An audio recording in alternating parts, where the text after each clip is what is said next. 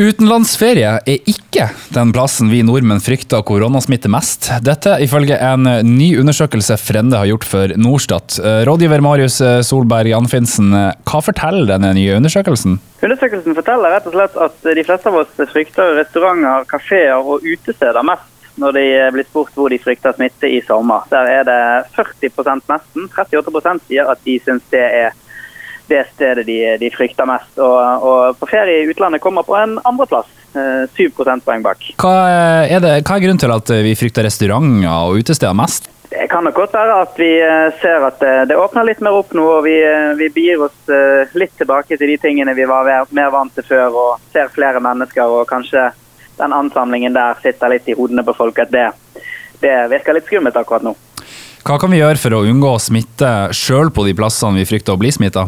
Det handler om å fortsette med det vi har vært flinke til det siste året. rett og slett, Og holde på de gode rutinene for uh, smittevernet. fordi uh, Hvis vi er flinke til det nå, så, så, håper vi at vi kan komme inn i høsten uh, med bedre tall. Og, og, selvfølgelig også økt vaksinering, som gjør at vi kan gå en lysere fremtid i møte. Du, du, sier at utenlandsferie ligger på andreplass over de plassene som vi er redd for å bli smitta. Merker dere eh, interessen for eh, reiser, eller? Det gjør vi absolutt. Det er mange som kontakter oss nå for å spørre om eh, reiseforsikring og dekninger, og hvor de kan reise og, og, og hva de kan få hjelp med. og sånn. Så vi, vi, merker økt interesse for det.